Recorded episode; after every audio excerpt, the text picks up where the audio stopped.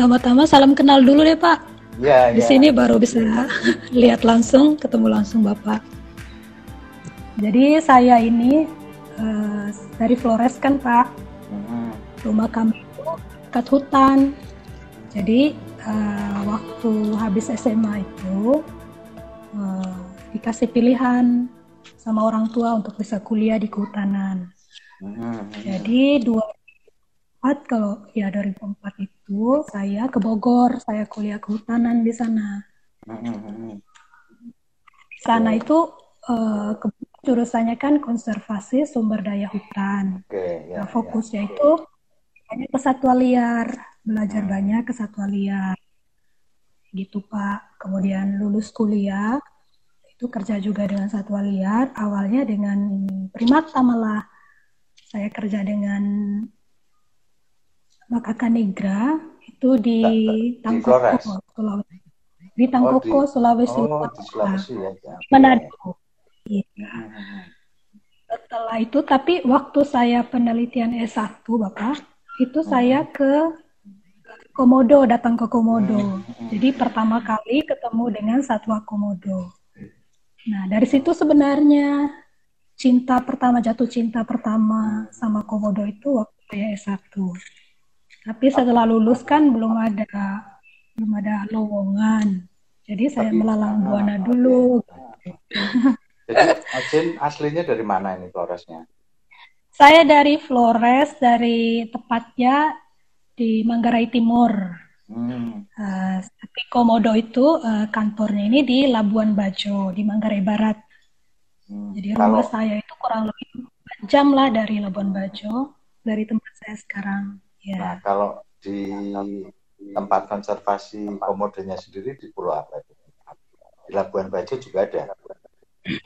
Nah, kalau Komodo sendiri sebarannya itu kan di Taman Nasional Komodo, Hmm. ada sedikit populasinya itu di Flores bagian barat dan Flores bagian utara.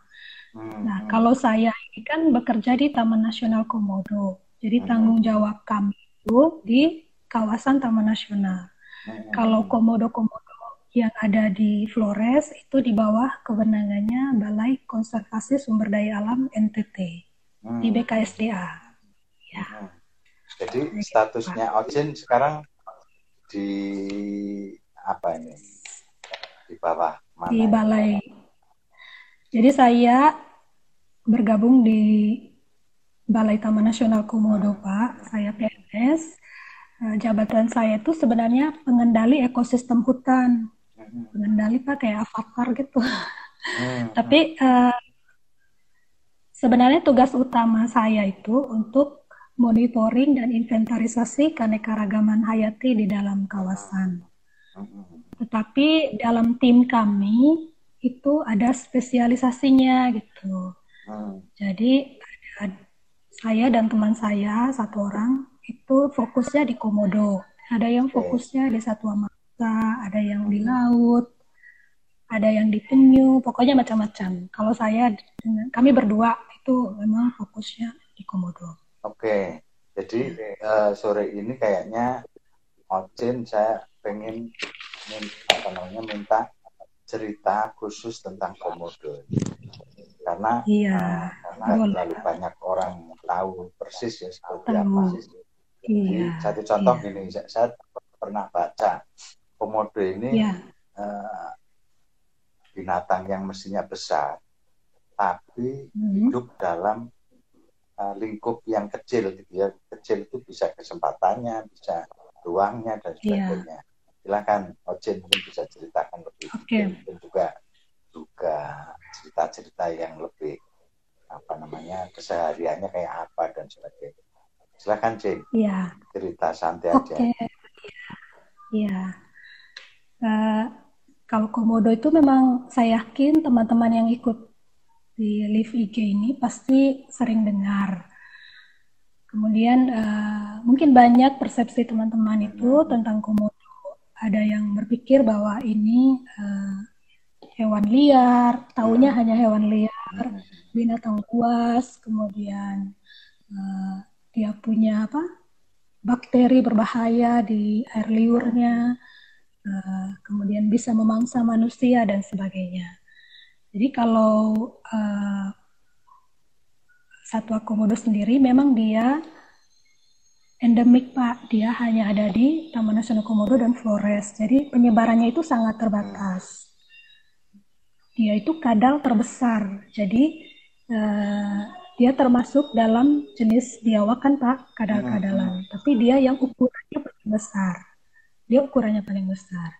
Kemudian ada juga uh, penelitian terbaru itu menyebutkan bahwa dia itu memiliki walaupun memiliki pergerakan harian yang cukup tinggi, kadang dia bisa jalan sampai sehari itu 500 lebih meter dia berjalan.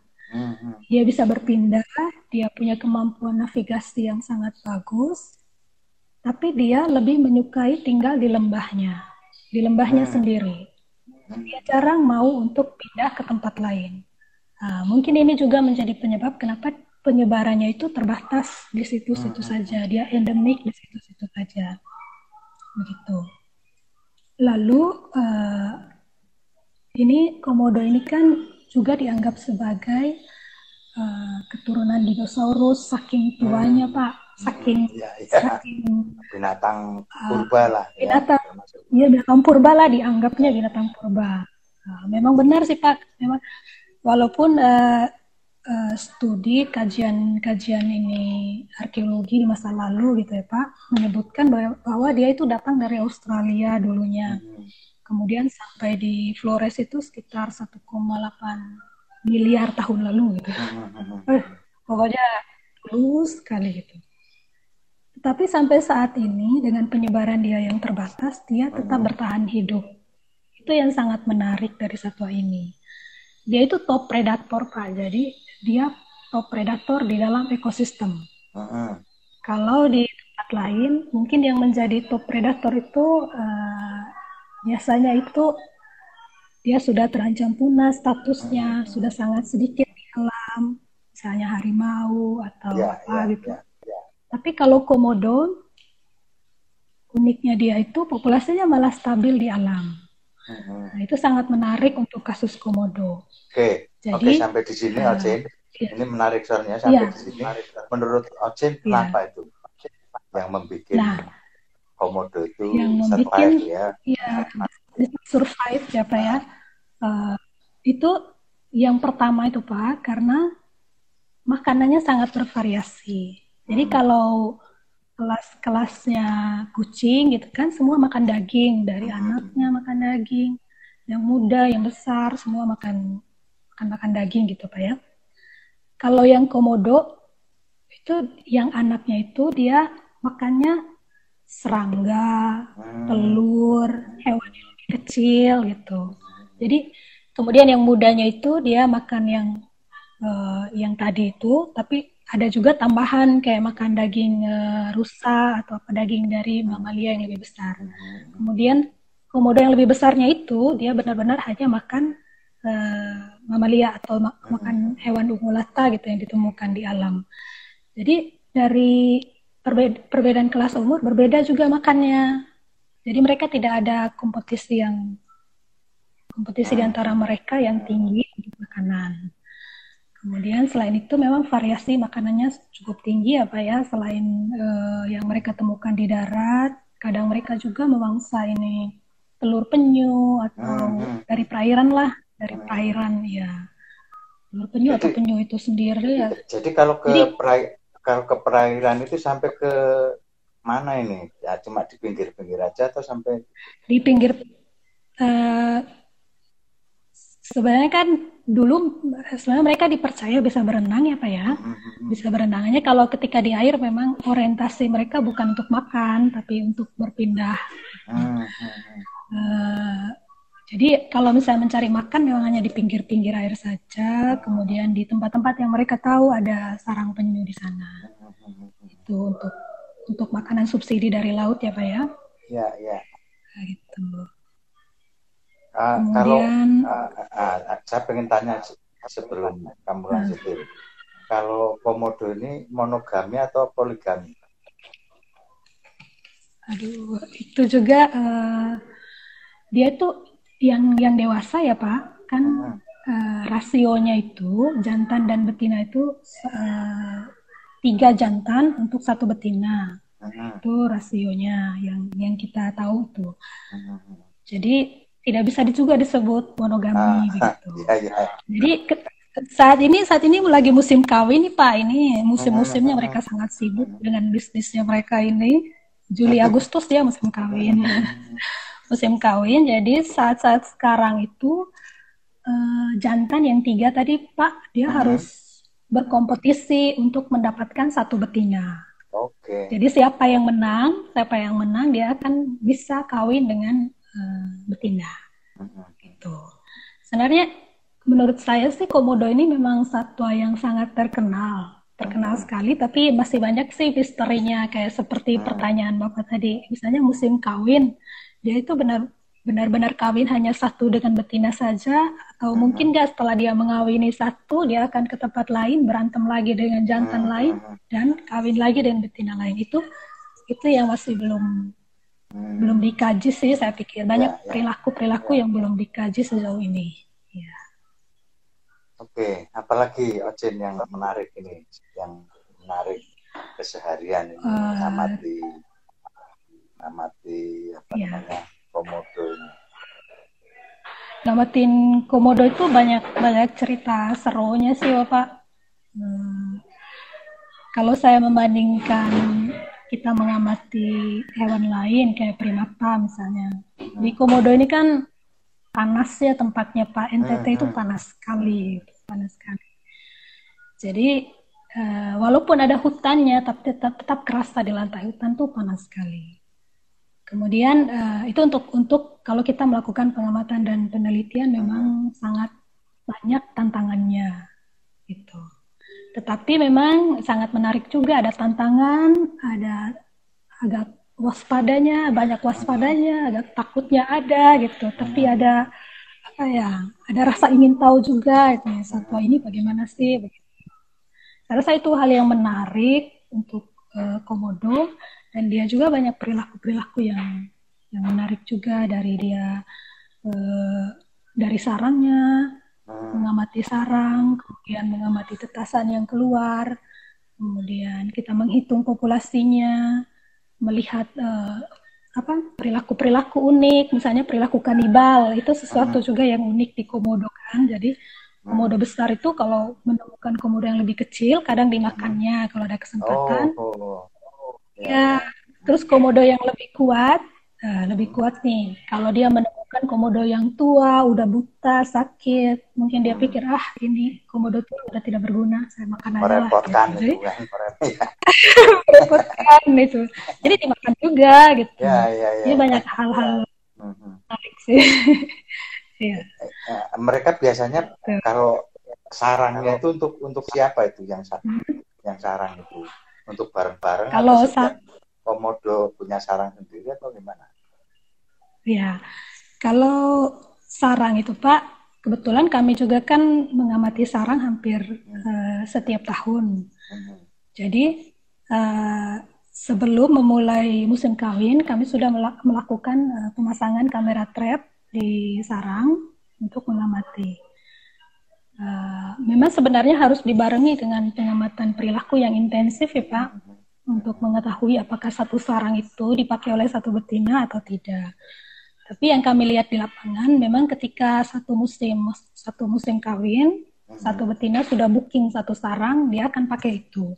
Karena uh, setelah betina meletakkan telur, Pak, dia itu jaga, dia jaga sarangnya itu sampai tiga bulan, sampai dia udah kurus sekali, udah kurus kering nggak makan. Yang perempuan. Dia akan ya? betina akan menjaga. Iya, betina akan menjaga menjaga sarangnya itu. Hmm. Gitu. Jadi karena betina komodo kan nggak memang terus yang mensuplai itu uh, yang mensuplai makanan dia siapa itu ketika dia menjaga telurnya itu oh ya ini di komodo ini kan reptil ya pak reptil kayak kayak buaya itu kan dia gali gali sarangnya untuk naruh telurnya hmm. jadi sebelum musim kawin dia sudah booking Kemudian pas Nia mau bertelur, dia harus gali sendiri. Jadi benar-benar dilakukan sendiri sendiri oleh betina. Nah, kalau ketika dia uh, apa? Dia tahu dia akan meletakkan telur, sebenarnya dia sudah menaruh apa? memakan banyak banyak makanan, dia stok makanan oh, gitu okay, banyak okay, di badannya. Nah, jadi dan itu itu bisa bertahan hmm. berapa bulan gitu ya kan bisa nggak makan lebih dari sebulan juga bisa okay. gitu. kayak ular dia hmm. ya, ya, ya. Uh, ya dia bisa bisa bertahan cukup lama untuk tidak makan tapi uh, dia tiga bulan itu selalu standby di sekitar sarang setelah dia yakin sarangnya aman hmm. tidak digali lagi oleh komodo yang lain itu dia baru akan mencari makan kalaupun dia lapar dia paling mencari makan di sekitar sarang tidak jauh-jauh dari sana selama tiga bulan penjagaan orang tadi. Oke, okay, oke. Okay. Ya. Tadi kan bekerja dengan komodo ini kan ada penasarannya, ada ada takutnya, hmm, ada ada takutnya, ada pengen tahunya dan sebagainya. Ya. Ada kejadian-kejadian apa yang pernah Ojen alami itu selama selama apa namanya hidup selama komodo bersama dengan komodo ya. ya. ya, jadi uh, dulu itu waktu saya penelitian sebelum bergabung di Taman Nasional itu uh, itu pengalamannya udah udah pernah dikejar udah sampai naik ke atas pohon dan gak tahu gimana cara turunnya itu kan. Refleks kita kan mau menyelamatkan diri apa gitu. jadi dulu tuh pernah kita mau ceritanya mau survei tempat gitu survei tempat untuk kita mau apa bikin jalur penelitian gitu kan Nah, ternyata di depan kami itu ada rusa yang udah digigit sebelumnya. Hmm. Kan komodo ini kalau makan hewan itu dia dia gigit dulu. Dia gigit dulu, dia biarkan dulu bakterinya apa namanya? Uh, masuk ke dalam satwa mangsa tadi hmm. sampai satwa mangsanya lemah gitu baru dia akan hmm. makan. Hmm. Jadi kami tidak tahu kalau yang di depan kami ini rusanya ini uh, sudah pernah digigit jadi bau-bau bau bangkai kan bau, bau luka gitu. Jadi kami dikejar sama komodonya dikirain kami yang berbau gitu. Jadi terjadilah kejar-kejaran di di hutan waktu itu. Tapi udah agak lama gitu ya lama kejar-kejarannya baru mungkin komodonya sadar loh kok tiga orang itu Uh, baunya malah makin hilang gitu. Kok, kok malah saya kejar malah nggak kuat lagi baunya. Akhirnya komodonya balik arah.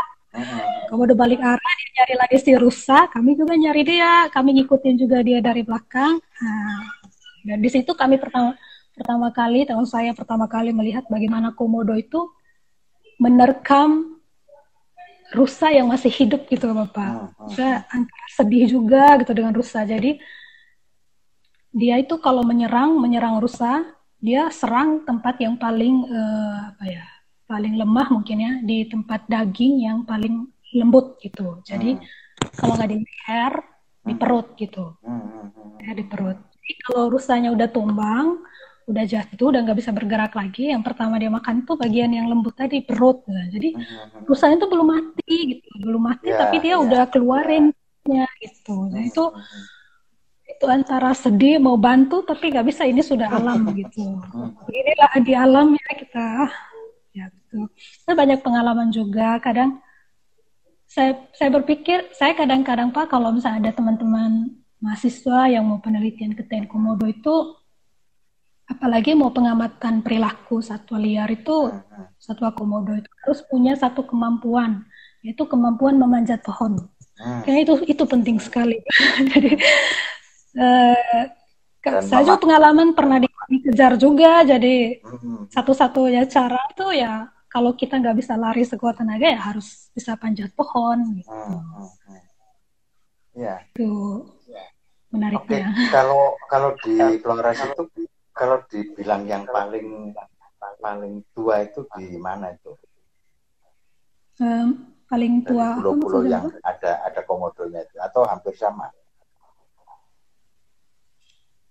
Uh, kita nggak tahu dulu bagaimana penyebarannya pak ya maksudnya dia dulu sampai di mana pertamanya apakah sampai di Flores atau sampai di Komodo uh, uh, atau mungkin dulu dia sama-sama sampai hmm. ketika Flores dan Komodo masih bergabung satu daratan. Iya, iya, iya. Ya. Uh, kita tidak terlalu tahu dulu ya zaman dulu bagaimana gitu.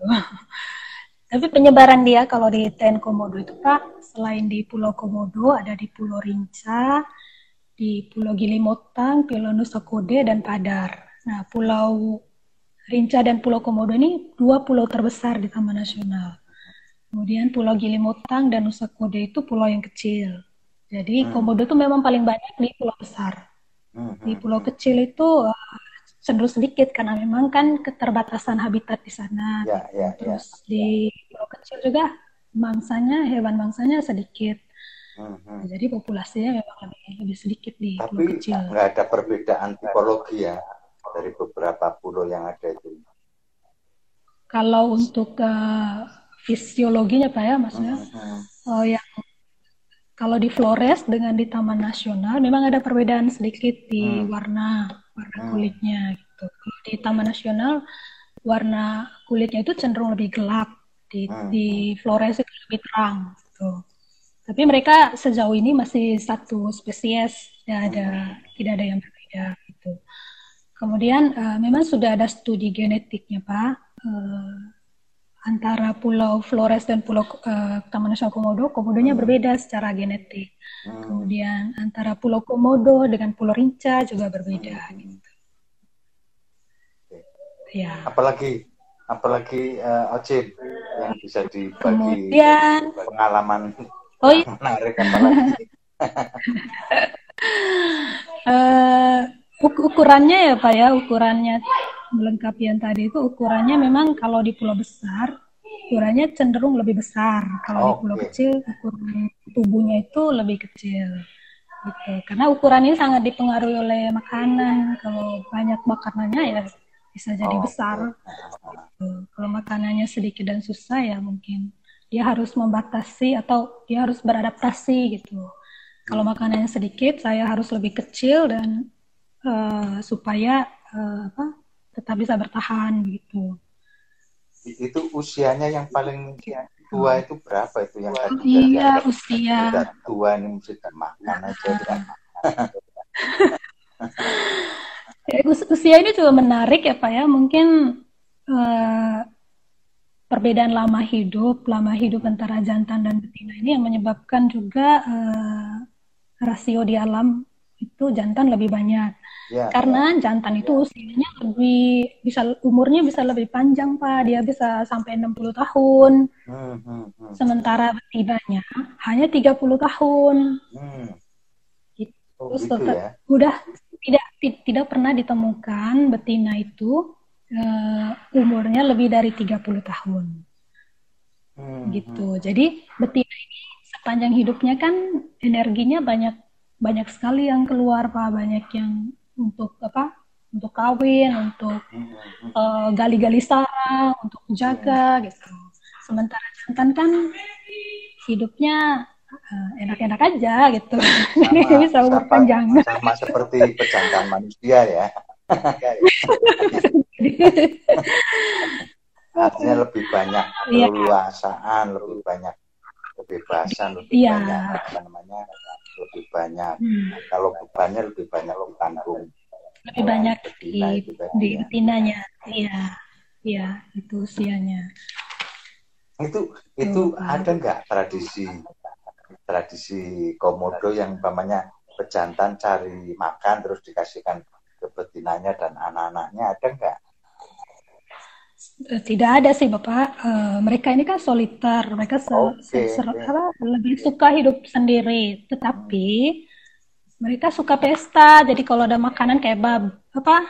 Kayak sorry, kayak kerbau besar itu uh -huh. itu jadi kayak pesta gitu. Uh -huh. Itu rata-rata tujuh ekor komodo itu bisa makan bersama, makan bersama satu kerbau besar gitu. Paling banyak bisa sampai 17 ekor. Gitu gitu. Kalau ada kerbau, kerbau kan besar sekali Oke, dengan jadi rusa, pengalaman gitu. pengalaman Taman Nasional mensuplai makanannya gimana dong? Kalau Taman Nasional sendiri sama sekali tidak tidak memberi makanan. Jadi Hmm. Uh, semuanya berjalan alami saja Pak. Yang okay, kami bisa lakukan itu, yang bisa kami lakukan itu mengamankan kawasan gitu. Hmm. Jadi benar-benar melakukan uh, pengamanan, perlindungan kawasan supaya tidak ada perburuan terhadap rusa. Okay. Karena rusa ini termasuk yeah. termasuk hewan yang paling dicari gitu Pak. Hmm. hmm. Uh, dagingnya enak, konon katanya dagingnya enak jadi banyak dicari. Jadi sementara di dalam kan, taman nasional berarti kan populasi hmm. populasi rusa sendiri harus harus harus bagus kan? Iya harus bagus ya. Kalau komodonya uh, pengen pengen apa, pengen tetap stabil populasinya ya, ya. ya.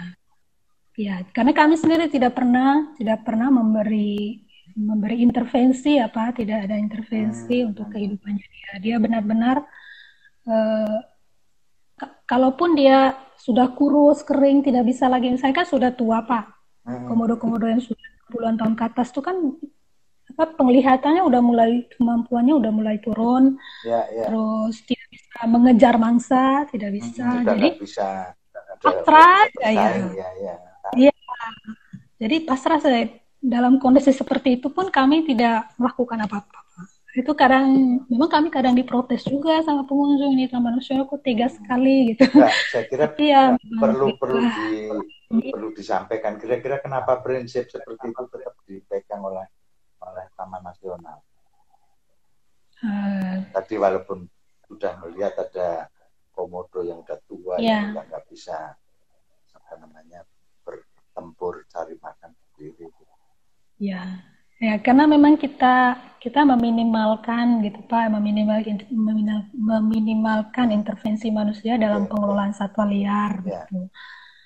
Jadi itu alasan utamanya. Kita ya. juga uh, memang sangat berhati-hati apalagi kalau misalnya melakukan pemberian pakan, kita juga harus tetap berhati-hati. Kita juga tidak yakin yang kita kasih ini sehat hmm. atau tidak. Hmm. Pokoknya hal-hal seperti itu. Tapi pada prinsipnya memang kita kita tetap biarkan sealami mungkin. Ya, ya justru mestinya peran manusia atau peran pengelola apa namanya taman nasional ini justru bagaimana memastikan memastikan ekosistemnya nggak rusak ya. gitu ya. Nggak rusak ya, ya itu ya. yang itu yang termasuk penting populasi sih. populasi apa namanya binatang lain yang memang menjadi menjadi ya. apa namanya uh, pop, apa putaran makanan mereka hmm. kan Oke, apalagi. Ocin yang belum hmm. yang menarik yang belum di share di sini. Ini banyak teman-teman ya, yang, yang saya kira uh, kalau bisa informasi yang yang unik yang mungkin belum ada di di apa namanya tulisan atau apa gitu. Iya. Nah, ini kami itu setiap tahun ya Pak ya, kami bekerja sama dengan uh, Yayasan Komodo Survival Program. Saya lihat beberapa hari lalu Bapak membuat status itu dan, dan mensitasi uh, Mas Ahmad Arifiandi ya Pak ya. Hmm. Jadi itu salah satu salah satu partner mitra Taman Nasional, mitra Taman Nasional dalam kegiatan uh, penelitian komodo. Hmm. Jadi dengan mereka itu kami setiap tahun kami melakukan monitoring populasi. Nah, monitoring populasinya itu kami lakukan dengan dua metode. Yang pertama dengan menangkap, menangkap langsung, hmm. menandai, kemudian melepas kembali. Yang kedua dengan kamera trap. Jadi saat ini Pak yang komodo yang ada di Taman Nasional itu kan kurang lebih tiga ribuan ekor. Hmm. Nah, 2.000 3.000 ekor itu lebih dari 1.300 itu sudah ditandai, sudah pernah hmm. ditandai oleh uh, penelitian ini. Gitu. Jadi kita pasang, kita suntikan apa namanya, namanya pitek namanya sih pasif. Apa ya? Lupa lagi. Jadi istilah pitek itu semacam, semacam chip atau apa itu? Chip. Ya seperti hmm. itu mungkin ya Pak ya. Jadi tahun depan ketika kita tangkap lagi itu bisa dibaca gitu penandanya itu bisa dibaca. Nah tahun depan ketika kita tangkap kita hitung lagi dia sudah bertambah berapa beratnya, sudah hmm, hmm, bertambah hmm. berapa panjangnya gitu. Jadi sudah lebih dari 1000 1300-an mungkin sekarang komodo komodonya itu sudah di sudah memiliki chip tadi. Nah, uh, kemudian ada kegiatan lain kalau dengan uh, apa? Dengan metode yang pertama ini kan lumayan mahal. Ya, Jadi ya, kita hanya ya, dilakukan ya. di dua lokasi. Kan harus menangkap tadi apa ya? Hanya dilakukan di dua lokasi. Yang lainnya kami lakukan dengan kamera trap. Kita selalu uh, apa, melakukan kegiatan pemantauan populasi di 10 lokasi. Ada sekitar 207 titik di seluruh kawasan TN yang kami tempatkan kamera trap setiap tahun. Hmm. Itu kegiatan utama kami sehingga uh, kami mendapatkan data populasi itu setiap tahun. Hmm. Jadi kalau publik bertanya-tanya apakah populasinya naik atau turun itu kita punya datanya gitu Pak. Terus selain monitoring populasi, kita juga ngecek setiap tahun itu kita mengecek uh, kondisi satwa mangsanya, kemudian kita pengamatan perilaku bersarangnya dengan mitra tadi. Uh, kemudian secara mandiri oleh Balai Taman Nasional Komodo itu uh, kita kita di sini kan ada kurang lebih ada tiga tim ya Pak ya. Jadi tim saya itu fokusnya di monitoring tadi monitoring dan inventarisasi uh, apa kehidupan liar itu. Kemudian ada satu tim itu polhut uh, polisi hmm. hutan. Mereka fokus ya, ya. benar-benar di perlindungan dan pengamanan. Nah kami punya 13 pos jaga yang tersebar di seluruh taman nasional. Ada 13 pos jaga yang dijaga 24 jam. Jadi teman-teman itu uh, selalu ada di pos selalu memastikan uh, kondisi di Taman Nasional itu uh, tetap aman dan kalau ada apa ada gangguan itu biasanya uh, kita bisa tahu kita bisa cepat tahu. Hmm, hmm. Kemudian ada satu tim lagi itu penyuluh namanya Pak mereka lebih fokus di uh, sosialisasi pemberdayaan masyarakat mereka banyak bekerja dengan masyarakat dengan media gitu untuk membangkitkan uh, kesadaran publik lah tentang tentang satwa komodo dan tentang taman nasional. Oke, gangguan-gangguan yang sering dialami selama ini apa? Gangguan itu kalau di taman nasional itu ada beberapa ya Pak. Uh, yang terkait langsung dengan komodo itu memang paling banyak itu perburuan rusa. Hmm. Itu tidak bisa dipungkiri. Memang itu ya, ya. dari dulu skala sampai sekarang itu tidak terpecahkan solusinya. Bagaimana? Karena manusia karena kebutuhan komodo ya, toh? Iya karena ada demand terhadap daging rusa ini. Jadi memang itu gangguan gangguan utama sih terhadap ini apa eh, satwa komodo sendiri. Kemudian karena Taman Nasional ini kan ada lebih dari 70% mungkin ya itu wilayah laut. Jadi hanya sedikit yang wilayah daratnya. Jadi gangguan cukup banyak terjadi di laut. Jadi misalnya ada penangkapan ikan dengan alat-alat yang tidak ramah lingkungan itu itu sering terjadi. Itu itu itu sih sebenarnya yang karena itu juga yang, makan juga ya. Yang ya itu, itu itu dia pak. Ya. Oke jadi itu. anunya navigasinya di komodo itu biasanya komodo. sampai mana aja tuh? Jadi menarik sih pak kalau dari uh, literatur dan pengalaman kami sih memang dia menggunakan apa ini tanda-tanda alam gitu. Mm-hmm. Dia bisa melihat mungkin matahari atau bintang, bulan. Uh, tapi juga ini apa uh, landscape kali pak ya. Misalnya uh, gunung di mana gitu dia bisa bisa kenali, dia bisa kenali habitatnya. Jadi kita ada beberapa kasus di lapangan pak. Uh, kita memindahkan komodo dari satu lokasi yang awalnya di situ dia sangat agresif gitu.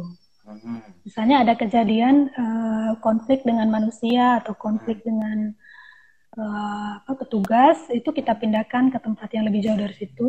Tapi tidak lama setelah itu sebulan, kadang-kadang dua bulan, dia udah kembali lagi ke situ. Hmm. Jadi sesuai dengan penjelasan saya yang di awal tadi Pak, yeah, ya. kenapa yeah. komodo yeah. itu tidak selalu ada di situ tuh karena istilah homing behavior. Jadi perilaku hmm. dia yang selalu kembali ke rumah dia kayaknya bukan anak rantauan. Yeah, betah yeah, sekali yeah, di rumah yeah, gitu. Yeah, yeah.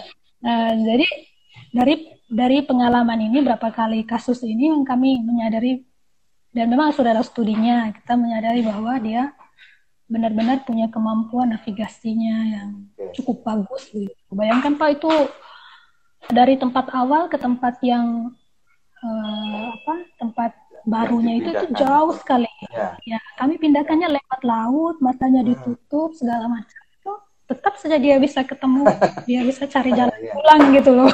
Pintarnya dia. Oke, oke. Ini apa pesanmu nih untuk teman-teman yang barangkali suatu saat juga akan mengunjungi ke sana kira-kira hal-hal apa saja yang penting harus diperhatikan ya oh iya yang pertama ini uh, komod ya Taman Nasional Komodo ini kan terkenal karena komodonya tapi bukan hanya komodo sih sebenarnya banyak hal yang bisa dinikmati di sini dari lautnya, dari panorama alamnya sangat bagus lah untuk untuk hmm. dikunjungi. Terus uh, yang kedua karena ini taman nasional yang tugas utamanya adalah untuk melindungi komodo. Hmm. Jadi memang uh, kita hanya membuka dua site wisata di Taman Nasional untuk bisa dikunjungi uh, wisatawan. Nah, untuk bisa melihat komodo ada dua tempat saja gitu. Jadi uh, bukan berarti uh, apa kita tidak mau orang-orang melihat, tapi memang yeah. uh, untuk wisatawan hanya dibatasi karena kita mau kondisinya tetap alami. Uh, kalau misalnya mau mau melihat komodo di tempat lain, di lokasi lain di dalam taman nasional itu kecuali kalau mau penelitian itu diperbolehkan. Begitu.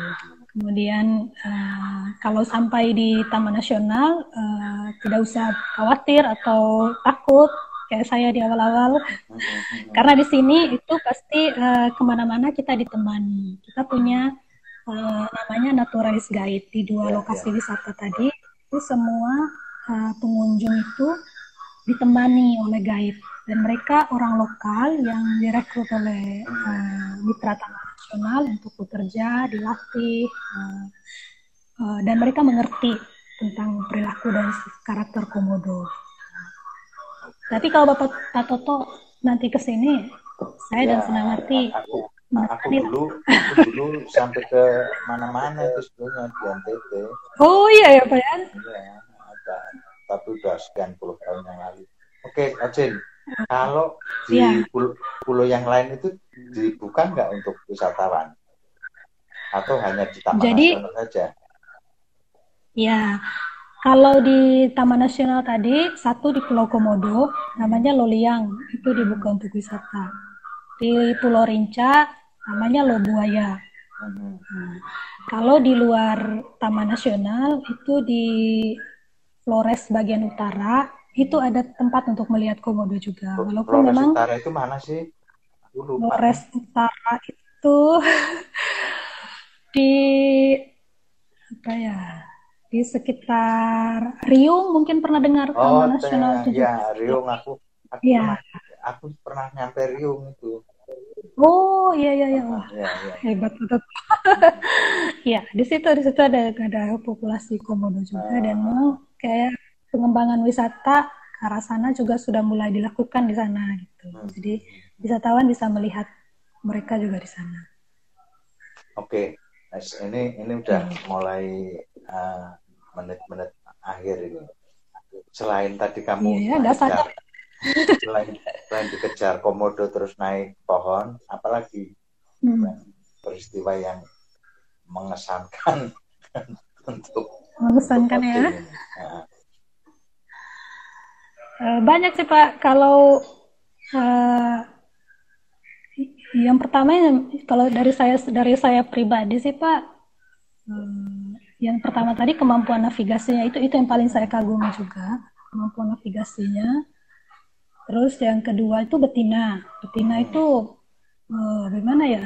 Uh, beban hidupnya cukup nggak jelas sih maksudnya uh, bagaimana mereka bisa uh, komit ber, ya. apa, bertahan tiga bulan untuk menjaga kayaknya, sarang tanpa makan itu rasa hebat sekali. Seluruh makhluk Allah itu, seluruh makhluk Tuhan itu kayaknya betina yang paling mendapat ya. ya, mungkin karena betina kuat gitu ya. Iya. ternyata, juga diberi kekuatan. Makhluk yang kuat. Iya. terus terus. Iya. terus uh, yang ketiga kayak itu kemampuan berenangnya pak saya sangat kagum juga hmm. kemampuan berenangnya kemudian uh, ketika mereka musim kawin di laut juga berenang di laut juga laut. pak okay. di laut juga bisa dari menyeberang dari pulau ke pulau juga mereka bisa lakukan gitu hmm. hmm, hmm. dan itu kalau itu lucu sekali kalau dilihat sih maksudnya menarik ke jadi gak, gak kelihatan ininya buasnya tapi kelihatan imutnya itu hmm. kalau mereka lagi berenang sih. Oh gitu ya malah ya. Terus apa ya, ya mungkin sama mungkin ini dia, sama, dia, hmm? dia mungkin merasa bahwa dunianya bukan di situ kali ya. Itu hanya iya, jadi sepintas selalu aja nah. Jadi merasa dia bukan, Kalau kita bukan nah. bukan apa bukan dunianya di laut. Gitu, ya. Iya. Terus ini apa kalau mereka apa ya perilaku kawin kalau misalnya berantem dan sesama jantan itu itu juga luar biasa pak jadi itu sampai berjam-jam kadang-kadang itu mereka apa namanya kamu uh, pernah nggak itu pas nungguin pas itu? Artinya me menyaksikan pas. Ya ya sudah berapa kali melihat ya jadi benar-benar sampai berdarah-darah gitu demi ah, mendapatkan ah. betina gitu. Itu itu, itu selesai bisa berdiri. ah, kalau sudah menyerah itu udah kayak gimana itu? Jadi kalau yang kalah itu biasa udah udah berdarah udah nggak kuat lagi gitu. Jadi dia pergi meninggalkan arena. Jadi itu bisa disebut kalah. Tapi kalau tapi keras kepala juga sih pak. Kadang-kadang udah berdua-duanya udah berdarah apa segala macam. Sampai benar-benar ada satu yang menyerah baru mereka berhenti. Jadi saya pikir itu juga suatu itu itu disaksikan yang, yang lain atau dia cuma berdua aja yang berantem itu cuma berdua aja yang lain kadang lewat juga cuek-cuek saja gitu paling yang menyaksikan ya kami kami atau tugas atau pengunjung saja yang tertarik lain yang betina juga yang betina juga tidak terlalu peduli gitu pak oh, dia tetap Ya, jadi ketika ada satu yang sudah menang, uh-huh. baru dia berani mendekati betina karena dia sudah menang. Kalau dia belum menang, itu pasti dihalang-halangi sama jantan lain. Oh. Ya, apalagi, apalagi C. Apalagi, apalagi ya. Soal berenang, soal berenang, duel hmm. untuk memperebutkan apa namanya betina, terus apa lagi? Betina, sama mungkin uh, menjelaskan kenapa dia cukup berbahaya ya pak ya. Mm-hmm. Jadi uh, jadi kuat sekali pak. Maksudnya uh, ada teman kami teman polisi hutan juga yang cukup badan cukup kekar sekali itu itu pun bisa di pernah dibantingnya gitu pak waktu mm-hmm. dia menggigit uh, teman kami ini tuh. Padahal bapak itu posturnya tinggi besar gitu kan polhuta kekar. Gitu. bisa dia jadi uh, kemampuan apa uh, apa namanya uh, rahangnya itu ya, rahangnya ya, kuat uh, kemudian kecepatan ketepatan media untuk menyerang mangsa uh, cakarnya sama um, kakinya untuk menopang kemudian sama bakteri yang ada itu itu benar-benar senjata yang apa ya sangat efektif. Efektif itu yang menjadikan dia sangat pembangsa yang sangat efektif sih. Itu ya. itu kayaknya kombinasi cuma, dari cuma satu aja ya, dia nggak bisa manjat pohon ya, aja ya. Justru bisa bapak. Oh gitu. Tapi yang kalau sudah terlalu gendut ya nggak bisa. Okay. Gitu. Tapi ah. yang yang kecil, nah yang menariknya ini yang kecil ini pak, kan uh, setelah dia menetas, dia itu harus lari, lari ke atas pohon hmm. sampai umur satu atau dua tahun. Dia menghindari pemangsaan dari komodo yang lebih besar. Oke oke oke ya benar. Ah, jadi setelah ya, sampai dua tahun gitu. Sisanya tiga tiga tahun ke atas tuh dia eh, kadang masih di atas pohon, kadang bisa turun Jadi ke tanah untuk cari makanan. Di atas pohon itu untuk anu aja mengamankan diri ya. Iya. Hmm. Tapi yang muda, yang muda dan yang sudah bisa gigit manusia itu kadang bisa bisa naik juga ke atas pohon. Hmm. Ada beberapa kasus teman-teman yang penelitian itu itu bisa sampai teman-teman udah di atas pohon jadi ditungguin. Ada yang udah berusaha menggapai gitu ke atas pohon. Jadi ya itu. Gitu. Mereka bisa bisa mem memanjat dengan baik. dari jauh aja lah ya. Iya, jaga jarak aman sih Pak, jaga jarak aman. Nah, jaga Dan jarak tidak, aman itu berapa berapa meter? Uh, lebih dari tiga meter, lebih dari tiga meter Pak. Nah, lebih dari tiga meter itu memang disarankan karena uh, kalau di tempat wisata memang komodo-komodo sudah terhabituasi ya Pak, sudah mengerti ini manusia, sudah mengerti bahwa pengunjung itu tidak berbahaya. Jadi biasanya mereka lebih santai, slow saja gitu. Tapi uh, tapi ada saat-saat tertentu ketika pengunjung atau petugas itu melakukan gerakan-gerakan yang memancing perhatian mereka, itu mereka bisa cepat bereaksi. Misalnya, Jadi kalau kita tiba-tiba, misalnya kita menggoyangkan, kita bawa sesuatu ini terus okay. di goyang-goyang-goyang gini tuh mereka pikir ini apa gitu. Ya, ya, ya. Terus kalau misalnya kita apa melempar sesuatu, walaupun pendengarannya kurang ya Pak, tapi mereka mungkin bisa merasa dari getaran tanah. Jadi kalau kita lempar sesuatu, uh-huh. mereka langsung apa ini, apa nih, apakah ada hewan yang jatuh atau gimana gitu. Jadi itu jadi kalau pengunjung ke Taman Nasional memang akan diperingatkan untuk uh, hati-hati seperti itu sih Pak. Supaya okay, tidak memancing. Okay. berarti uh, iya. rencananya apa ini? Atau mau sepanjang hidup mau di di di, di Taman Nasional Komodo nah, atau bagaimana atau uh, saya sendiri apa gitu sebenarnya kita uh, di birokrasi ya Pak kalau suatu saat disuruh ke tempat okay, lain ya mau ya, bagaimana ya. lagi tapi ya. untuk untuk saat ini sih uh, memang lebih lebih senang di di Komodo atau di satwa liar gitu. Hmm. Sekarang kan saya ini Pak nih, Mother of Dragon. Dan, uh, ya, ya. saya pakai ya, t-shirt Mother of Dragon. Kan lumayan nah, antara antara sekolah dengan kerjanya itu nggak jauh-jauh amat gitu loh. Banyak ya. orang itu sekolahnya apa, kerjanya apa gitu loh. Ini ya. kalau kalau ya. masih lumayan lah, masih menikmati ketidak apa namanya ya sekolah yang, ses yang, yang dipelajari dan yang dikerjakan jauh, sesuai gitu ya. Iya. Iya. Orang yang ya, enggak. Oke, jadi kalau dari Labuan Bajo ke ke tempat Komodo itu berapa lama itu? Uh, kalau dari Labuan Bajo ke Pulau Rinca, Pak, hmm. itu dengan kapal itu bisa dua jam. Kalau cepat dengan speed satu jam bisa sampai. Kemudian ke Lohliang yang ada komodonya itu kalau dengan kapal bisa 3-4 jam dengan speed 2 jam. Jadi sini pengunjung biasanya ngambil trip kalau nggak satu hari. Bisa juga uh, dua hari atau satu malam, dua hari satu malam gitu pak. Jadi bisa uh, ke banyak tempat, bisa ke Loliang atau Lubaya, bisa ke Padar juga ngelihat pemandangan atau bisa juga wisata di uh, apa di situs situs wisata perairannya gitu. Kalau dua hari satu malam itu bisa ngelihat banyak hal di Taman Nasional. Oke, apalagi sekarang banyak. Ya, yang, sekarang banyak ini kan Pak apa? Uh, kayak Pak, anu ya, wisata-wisata yang itu ya. Iya, iya.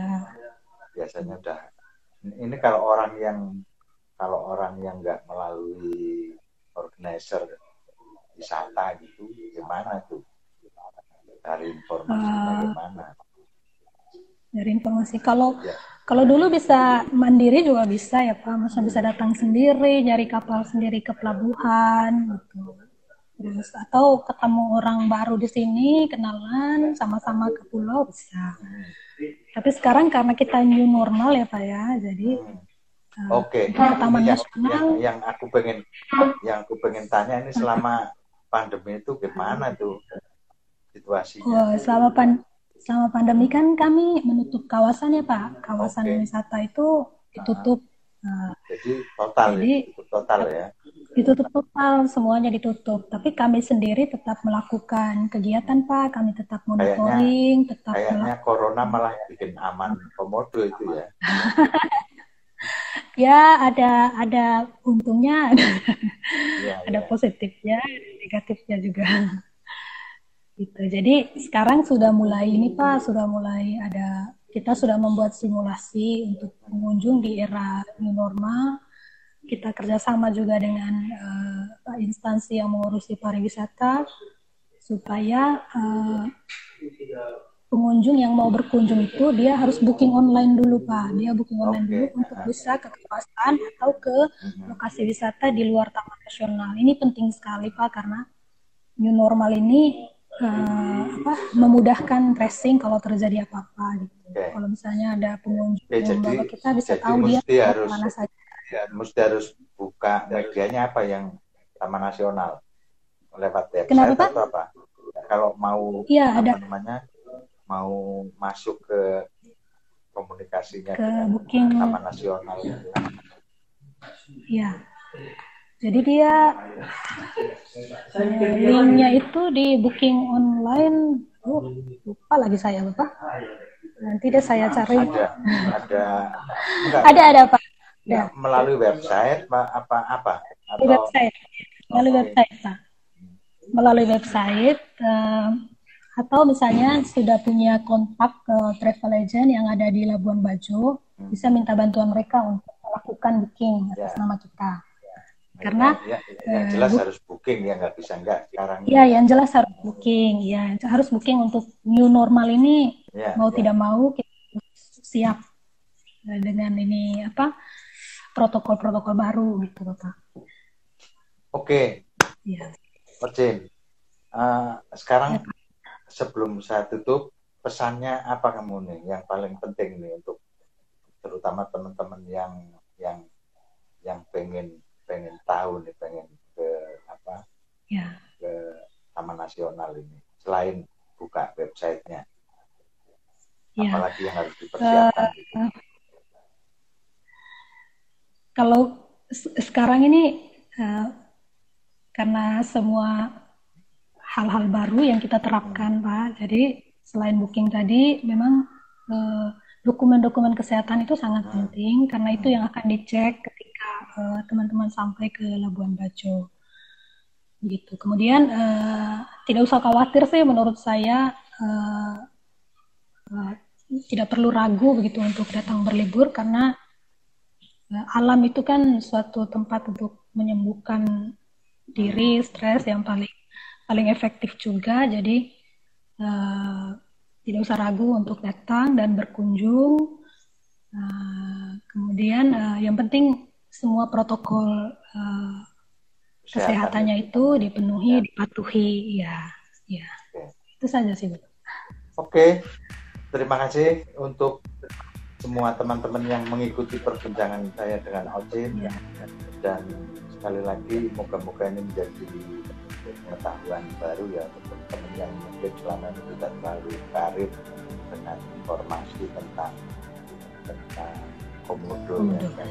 Sekali lagi saya terima kasih sekali dengan Ocin ini yang sudah punya dan ya. kasih waktu ngobrol ini ngobrol ya, sama-sama nah, moga-moga Semoga informasi ini penting untuk semua teman-teman yang mengikuti perbincangan kita di sini. Yeah. Satu, saya pengen kalau suatu saat ada sesuatu yang baru atau peristiwa apa, saya pengen live lagi dengan Oke. Tapi mesti Oke kasih tahu. Eh ini besok ada ini atau apa? Nah, saya pengen, yeah, yeah. pengen live lagi dengan Oke. Oke ya. Terima kasih Oke. Bapak. Ya, Oke, terima kasih. Tetap sehat, tetap semangat gitu. Sama-sama Bapak juga. Ya, ya oke. Sampai jumpa ya, Jin ya. Terima kasih. Sampai jumpa. Iya, terima kasih. Terima kasih Bapak.